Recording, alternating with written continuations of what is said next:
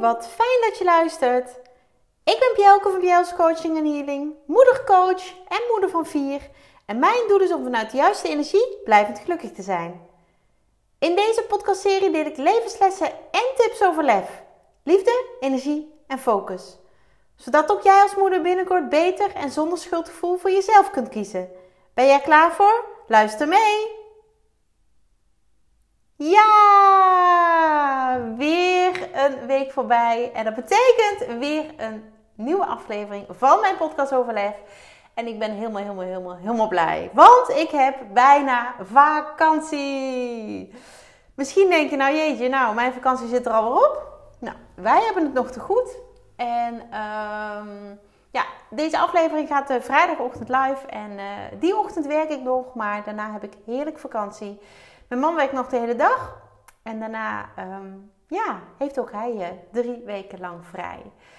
Uh, dit weekend komen onze andere kinderen weer, uh, weer thuis. En ja, daar kijk ik natuurlijk ook ontzettend naar uit. Wat heb ik ze gemist? En um, wat zijn die weken stiekem ook wel voorbij gevlogen? Drie weken lang waren we alleen maar met onze kleine meid. En zometeen hebben ze alle vier weer thuis. Daar waar ze horen. zijn we weer compleet, zoals ik het altijd zelf zeg. En misschien herken je dit helemaal niet. Heb jij geen samengesteld gezin? Uh, maar ik weet ook dat heel veel luisteraars dat wel hebben. Dus uh, nou, dan weet jij wat ik bedoel. Dan weet je ook uh, hoe ik ehm, heb genoten van de afgelopen drie weken. Ondanks dat ik de andere drie miste, vond ik het ook wel heerlijk om om 7 uur, half acht al avond te hebben. Want dan gaat onze kleine meid naar bed. En die andere drie die zijn 13, 11 en 10. Nou, die gaan logischerwijze wat later. Wat betekent dat Bart en ik uh, veel later aan onze eigen avond beginnen. En soms zelfs dat kinderen, zeker in vakantietijd, eerder naar bed gaan dan ik. Maar goed, we gaan er heerlijk van genieten drie weken lang. We gaan zelfs nog een weekje weg. Um, heerlijk naar de Ardennen. Ik weet niet of ik dat al gedeeld had, maar heerlijk met z'n zessen op pad. En um, ja, lekker genieten. Dat is wat we gaan doen. Ik wil vandaag iets met je delen wat mij raakte. Dat doe ik vaak. Ik, want dat is namelijk voor mij ook um, de inspiratie. Dingen die mij raken, inspireren mij. En het raakte mij, nou laat ik zo vertellen. Vorige week heb ik in de Club voor Moeders met Lef, nou als je mij al langer volgt op social media of überhaupt in deze podcast, weet je daarvan. Ik heb een online community van moeders. Inmiddels ook een deel niet-moeders uh, zitten daarin. Um, en die online community heeft al meer dan 400 moeders. Super, super, super leuk. Ik word er ook heel blij van, nog steeds. En in die community deel ik tips, uh, maar doe ik ook kaarttrekkingen onder andere. En um, ik doe nog veel meer. Zo heb ik afgelopen week, nee, vorige week denk ik, een post gedeeld over mijn podcast. Uh, dit is aflevering 139 als ik het goed heb. Dat betekent dat ik al 139 weken inspiratie heb om iets met jou te delen. Nou, daar ben ik zelf heel dankbaar voor dat ik die inspiratie heb. Uh, en ik ben jou ook vooral heel dankbaar dat jij wil luisteren. Misschien niet 139 weken al, maar nou, ik denk dat er een aantal wel uh, is dat, uh, dat de podcast al zo lang luistert. En zo actief. En ja, mijn hart stroomt over van dankbaarheid. Dat vind ik echt waanzinnig. Dus als jij dat bent, mwah, dankjewel. Um, 139 weken inspiratie. Maar die inspiratie komt ook van jou. Van de moeders in de Club voor Moeders met Lef. Van de mensen die mij berichten sturen op social media. En ik dacht, weet je wat? Ik ga gewoon eens eventjes een, een post delen, een bericht maken. Um, voor de moeders in de Club voor Moeders met Lef. Wat wil jij nou horen? Wat wil jij nou horen? En ik vind dat.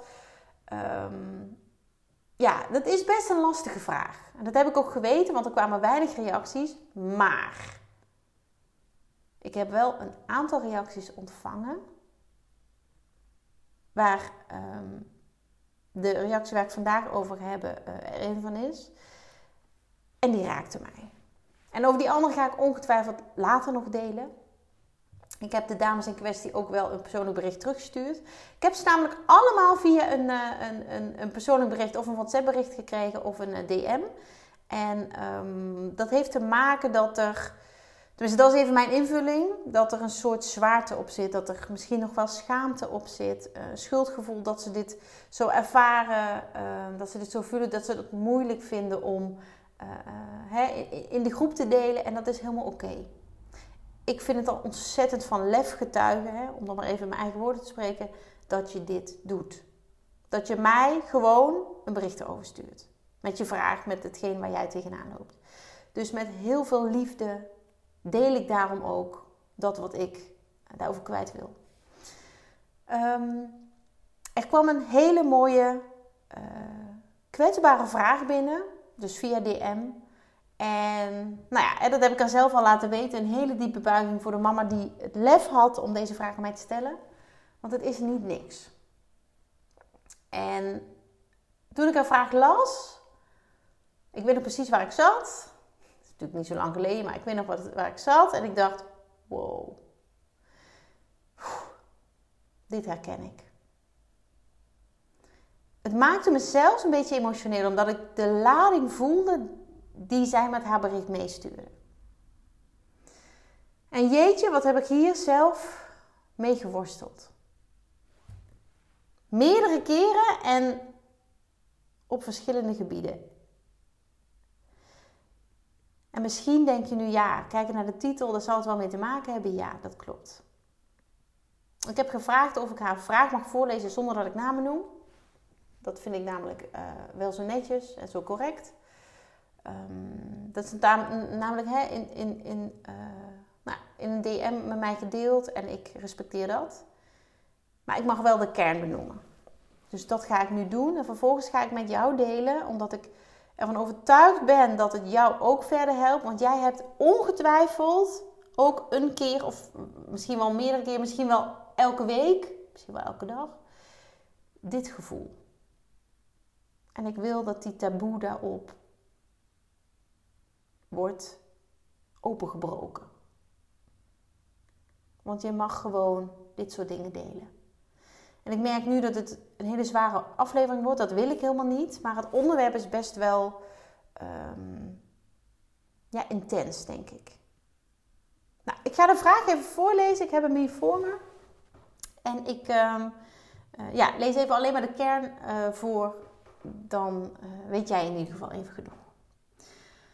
Oké. Okay. Lief Bjelke, wat bijzonder dat we mogen meedenken over onderwerpen voor jouw mooie podcast. Ook al durf ik het eigenlijk niet, ik doe het toch. Wat een lef, hè? Nou, dat vind ik al heel stoer dat ze dat erbij zet. Ik ben ontzettend dankbaar voor en gelukkig met mijn twee kinderen. Maar ik voel regelmatig dat ze mij beperken in wat ik wil doen. Want ik heb nog zoveel wensen en dromen, maar ik wil er ook voor hen zijn.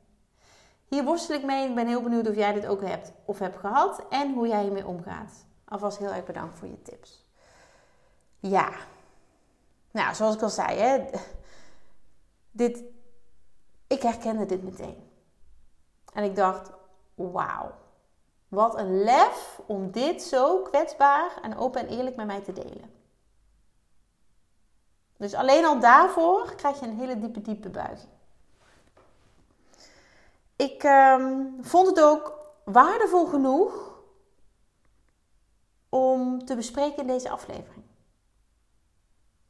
En dat komt, zoals ik al zei, omdat ik ervan overtuigd ben dat er veel meer moeders, en of je nou kleine kinderen hebt, hè, waar, het natuurlijk veel meer speelt, of grotere kinderen, veel meer moeders ervaren dit. Voelen dit, denken dit. Nou, misschien spreken ze het uit, maar vaak niet. En het is niet mijn missie om dit taboe te doorbreken. Het is wel mijn missie om jou verder te helpen. Omdat jij hierdoor ongelukkig kunt zijn. En mijn missie is om alle moeders zoveel mogelijk gelukkig te laten zijn in hun leven. Ik ben namelijk zelf jarenlang een diep, diep, diep ongelukkige moeder geweest. Dat zou je misschien niet zeggen, dat krijg ik ook heel vaak terug. Zou je misschien niet zeggen als je nu mijn foto's en mijn leven ziet. Maar jeetje, wat een uh, contrast met hoe ik me heel vaak heb gevoeld. Heel vaak. En nou ja, deze, deze vraag, dit onderwerp, heeft daar ook impact op gehad. En ik ga heel graag met jou delen hoe dat in mijn leven is geweest, in mijn moederschap, maar ook wat mij heeft geholpen. Want daar help ik jou weer graag mee. Ehm, ik ga drie voorbeelden noemen op drie andere gebieden die allemaal te maken hebben met deze vraag.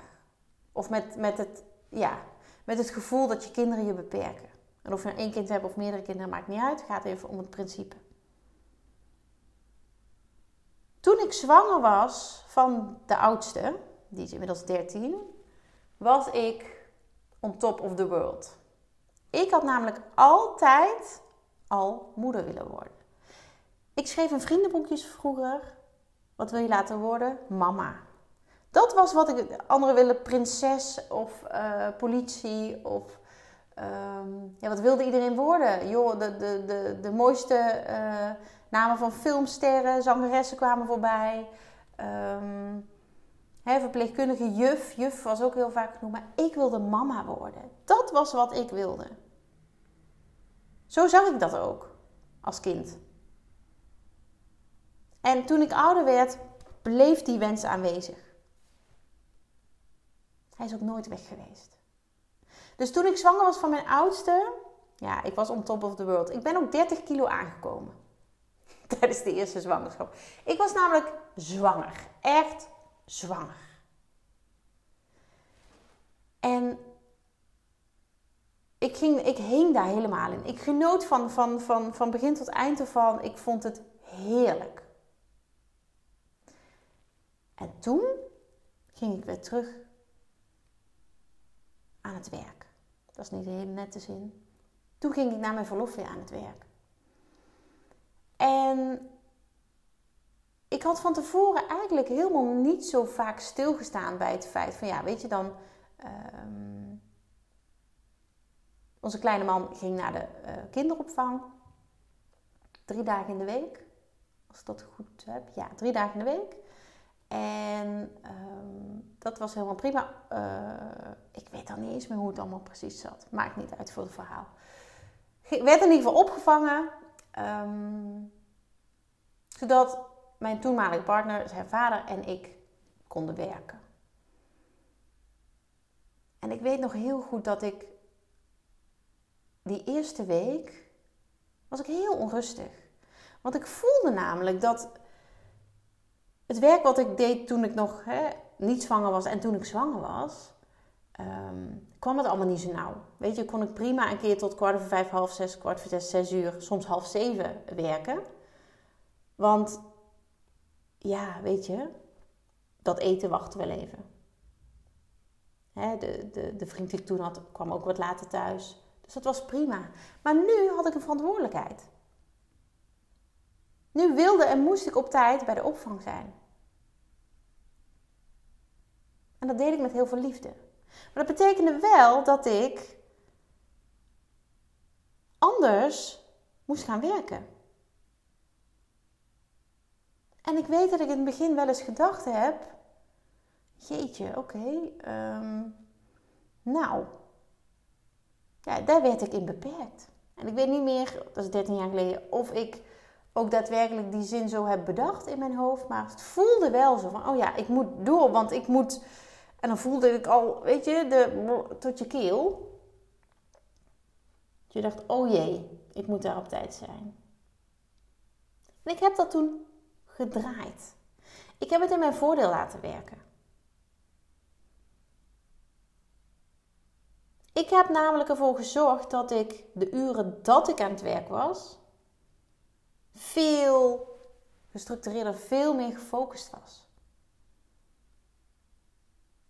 Want ik had in mijn beleving, voor mijn gevoel, minder tijd. Ik had misschien wat minder tijd om wat te kletsen met collega's. En daar heb ik toen wat ja, wat van ingepikt van die tijd. Het was niet dat ik niet meer mee ging lunchen. Het was niet dat ik niet meer een praatje bij de koffieautomaat maakte. Maar ik was me veel bewuster van de kostbaarheid van de tijd. En dat zorgde ervoor dat ik niet meer het schuldgevoel om vijf uur mijn computer uitzette.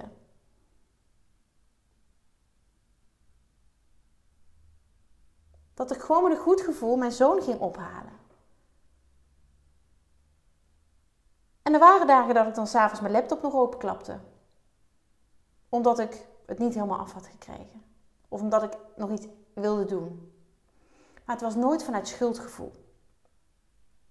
Maar ik heb toen wel gedacht, oh jee, weet je.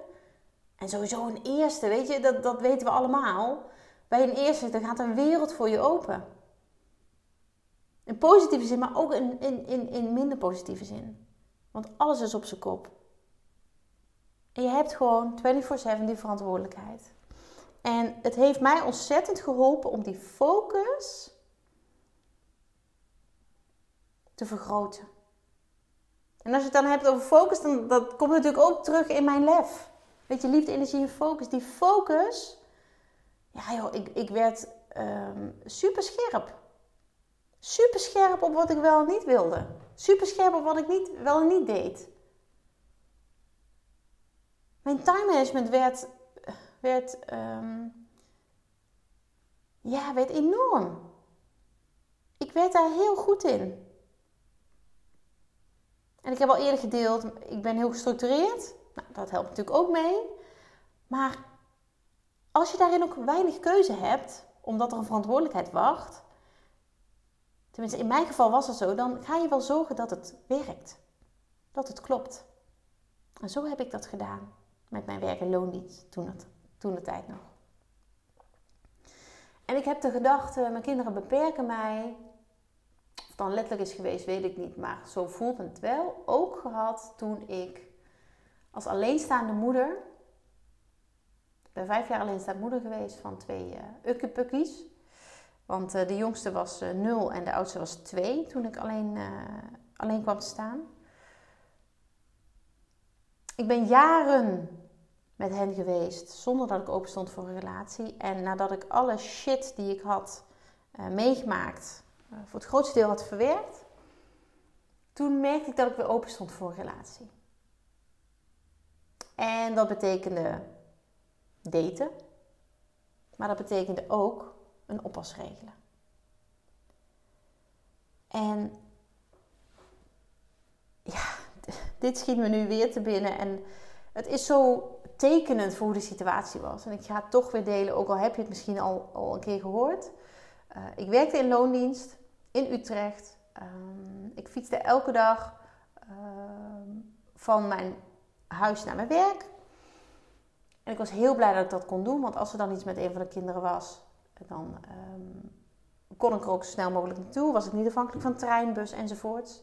Dus weer of geen weer, ja, bijna altijd heb ik gefietst.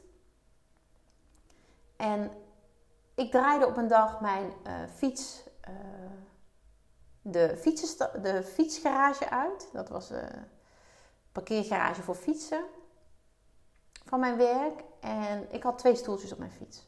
En een van mijn collega's komt naast mij lopen met zijn fiets en die zei: Ja, Bjelke, zo ga je natuurlijk nooit een man vinden. En toen wees hij op de stoeltjes. En in eerste instantie dacht ik: Huh, wat zegt hij nou? Ik zeg: Wat zei je? Ja, met twee stoeltjes op je fiets ga je natuurlijk nooit een man vinden. En toen dacht ik, nou, uh -huh. toen ben ik weggefietst. En toen heeft het mij aan het denken gezet. Toen heeft het mij aan het denken gezet in de zin van: klopt het dat mijn kinderen mij beperken in het vinden van een nieuwe partner? Want die stoeltjes gaven heel duidelijk aan dat ik kinderen had. En nog steeds heb natuurlijk, maar toen nog heel klein. En gelukkig kon ik al heel snel die opmerking van mijn collega draaien naar: als je mij wil, krijg je mijn kinderen erbij. Als je kiest voor mij, Krijg je de full package, krijg je er drie voor de prijs van één. Zij horen bij mij. En misschien denk je nu als moeder die totaal niet in de situatie ooit geweest is, ja, de. Maar het is niet voor iedereen zo vanzelfsprekend. Weet je, ooit vroeg iemand aan mij in die, in die periode: wil je een man met kinderen? Dat ik dacht: hè? Ik wil gewoon een man die lief is. Ik wil een man die betrouwbaar is. Ik wil een man die voor mij gaat. En ik had er helemaal niet over nagedacht of hij kinderen moest hebben of niet. Dat vond ik ook geen vereiste. Uiteindelijk tref ik een man die al een kind heeft en, en, en vormen een samengesteld gezin. En dat werkt fantastisch. Want dat ik dacht, jeetje, er zijn dus inderdaad mensen die heel erg duidelijk zijn in hè, hun goed recht. Hè? Ik wil wel een partner met kinderen of zonder kinderen. Maar ik was een moeder, of ik was een vrouw met kinderen, ik was moeder. Ik, weet je, ik had daar weinig, ik vond, en dat vind ik nog steeds, dat ik daar heel weinig in te willen had of zo. Het gaat mij om de persoon, het gaat mij niet om of die kinderen heeft of niet. En daarnaast dacht ik ook nog, maar als hij kinderen heeft, dan weet hij ook hoe dat is. En tuurlijk is het ingewikkeld. Tuurlijk heeft het de nodige uitdaging. Weet je, een samengesteld gezin met kinderen van beide kanten is uitdagend. Maar ik, had wel, ik trof wel een man die wist hoe het was om kinderen te hebben. En die ook wist dat kinderen op nummer 1 komen. Die dat ook zo voelde. En nu voelen we dat samen. En, en, en, en ja, is dat, is dat gewoon een hele mooie verbindende factor. Maar toen heb ik het ook even gedacht. Beperken de kinderen mij daarin? Nou, uiteindelijk was het antwoord nee. Weet je, zij zijn zo'n ontzettend onderdeel van mijn leven, zijn een onderdeel van mij. Dus zij horen erbij. En ik heb het veel recenter nog gedacht. Ik ben namelijk zelfstandig ondernemer, ZZP'er zoals dat zo mooi heet. En ik heb een praktijk aan huis. En daar ben ik mega, mega, mega blij mee. En mijn praktijkruimte is ook tegelijk mijn werkruimte. Dus als ik daar zit, dan ben ik helemaal in mijn element. Maar een praktijk aan huis betekent ook dat daar geleefd wordt, dat daar gewoond wordt. Dus als mijn kinderen thuis zijn, dan zijn zij in de omgeving van mijn werkruimte, van mijn praktijk.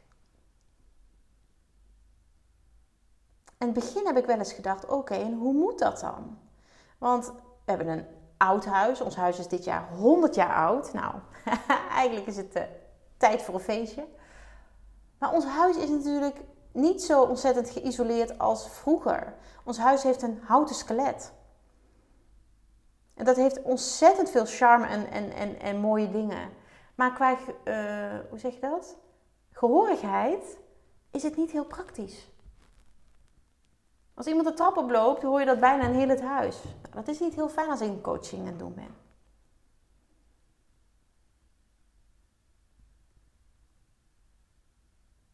En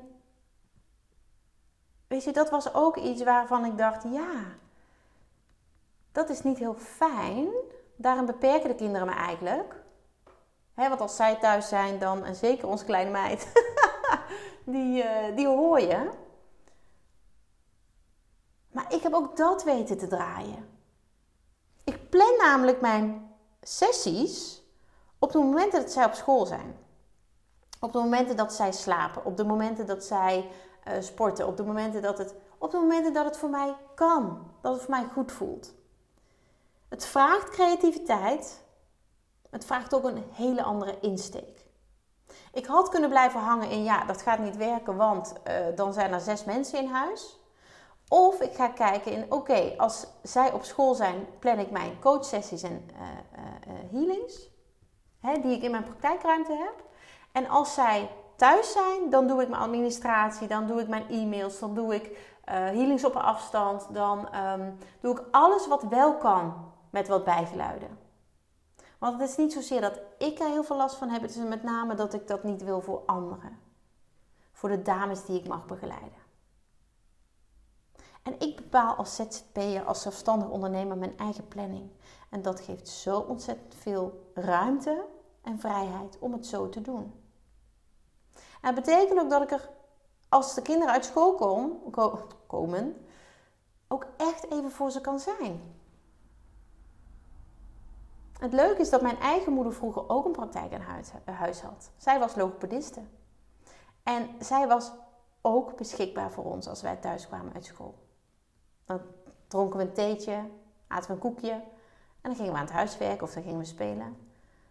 En eigenlijk doe ik dat precies op dezelfde manier. En dat is voor mij fantastisch. Ik geloof namelijk, en dat is eigenlijk de sleutel die ik in deze aflevering wil meegeven en die ik ook heb gedeeld met de dame die mij zo ontzettend dapper deze vraag stelde. Ga eens kijken naar en en in plaats van of of. Dat is voor mij echt goud. Hoe kan het wel beide? He, zoals ik met mijn werk heb gepland. Als, ze er, als, er, als ik alleen ben thuis, dan doe ik de dingen zoals sessies plannen, dat mensen hier zijn. Als er wel mensen in huis zijn, en dan bedoel ik echt mijn kinderen, want mijn man is echt wel rustig. Mijn kinderen, zeker de kleinste, dan doe ik andere dingen. Dan doe ik dingen die wel wat geluid kunnen hebben. Doe ik wel dingen die wel wat, um, hè, nou ja, een groot woord overlast kunnen hebben. En zo bekijk ik het elke keer weer. Dus en en. Niet of of. Het kan allebei. Ik kan een succesvolle praktijk hebben, succesvol coachingbedrijf, succesvolle coach zijn en een liefdevolle moeder. Het kan beide. En weet je, hier bestaat het samen onder één dak. En dat is hoe je het ook kunt doen. Weet je, kinderen hoeven je niet te beperken. Je ziet wel in mijn voorbeelden dat kinderen juist jouw creativiteit kunnen aanwakkeren. Dat ze juist jou op een andere manier kunnen laten denken. Dat ze juist jou inspireren. En gebruik de liefde die je voor hen voelt om, om het wel te laten lukken. Om het wel te laten slagen. Want ik vind het heel belangrijk dat het en-en is. Dat zij blij zijn en dat jij blij bent. Want dat is hoe het hoort te zijn. Je bent met een hele, met een, met een bepaald doel moeder geworden. En zo heb je nog veel meer wensen en dromen. En laat je daar niet door tegenhouden. Laat je niet beperken. Kijk hoe het wel kan. En en. En en. Als dat alleen al is wat je meeneemt uit deze aflevering, dan heb ik mijn doel bereikt. En en en niet of of. Want wat zijn we ontzettend goed geworden in de loop van de jaren, in de loop van de tijd, in de loop van ons leven? In denken in beperkingen. Maar ga nou eens denken in mogelijkheden. Hoe kan het wel? Hoe kan het wel? Hoe kan het wel? En ik hoor regelmatig om me heen hè, mensen die uit elkaar gaan en die dan uh, zelf kinderen hebben en een partner zonder kinderen treffen, dat dat in heel veel gevallen ook weer uitdagend is. Want die persoon kan veel minder invoelen hoe het is om kinderen te hebben. En dat is geen oordeel, maar dat is gewoon een gegeven. Dus ik was heel trots met mijn fiets met twee stoeltjes. Heel trots dat ze zo dicht bij mij zaten op de fiets. En waar wij urenlang door Utrecht hebben gefietst. En dat zijn zulke fijne herinneringen, daar hou ik me heel, heel, heel graag aan vast. En ja, ik gun het jou dat jij ook en en kan zien. Dat je en en kan zien en en kan voelen en ook en en kan doen. En als je daar specifieke vragen over hebt, ik denk heel graag met je mee. En blijf vooral je vragen met mij delen. Als jij nu denkt, hé, hey, maar ik heb ook een vraag of ik ben heel benieuwd hoe je ook heel over denkt, laat het me weten. Ik help je heel graag. Door het te delen hier in de podcast en ehm, ja, er op die manier niet alleen jou, maar ook andere moeders, andere vrouwen mee te helpen. Want dat is waar ik ontzettend blij van word. Dankjewel voor het luisteren. Dagelijks inspireer ik honderden moeders om met lef te leven. Dit doe ik niet alleen via deze podcast. Je kunt je ook gratis aanmelden voor de Club van Moeders met Lef. Hierin deel ik praktische tips, geef ik inspirerende workshops en wekelijks live sessies en coaching. Zodat jij meer balans ervaart, meer rust in je hoofd krijgt, vaker me-time neemt en dit alles zonder schuldgevoel. De club is een superleuke groep met gelijkgestemde moeders waarin ik wekelijks live ga. Hierbij deel ik tips, meditaties en kaarttrekkingen. En als lid van de club krijg je ook nog korting op mijn live events. Dat gun ik iedere moeder, dus jou ook. Join de club en ontdek hoe jij, net als de andere moeders, met meer lef kunt leven, zodat je meer kunt gaan genieten. Ga naar bjels.nl slash club en meld je aan. Ik heet je graag van harte welkom. Nogmaals, dankjewel voor het luisteren en heel graag tot de volgende keer.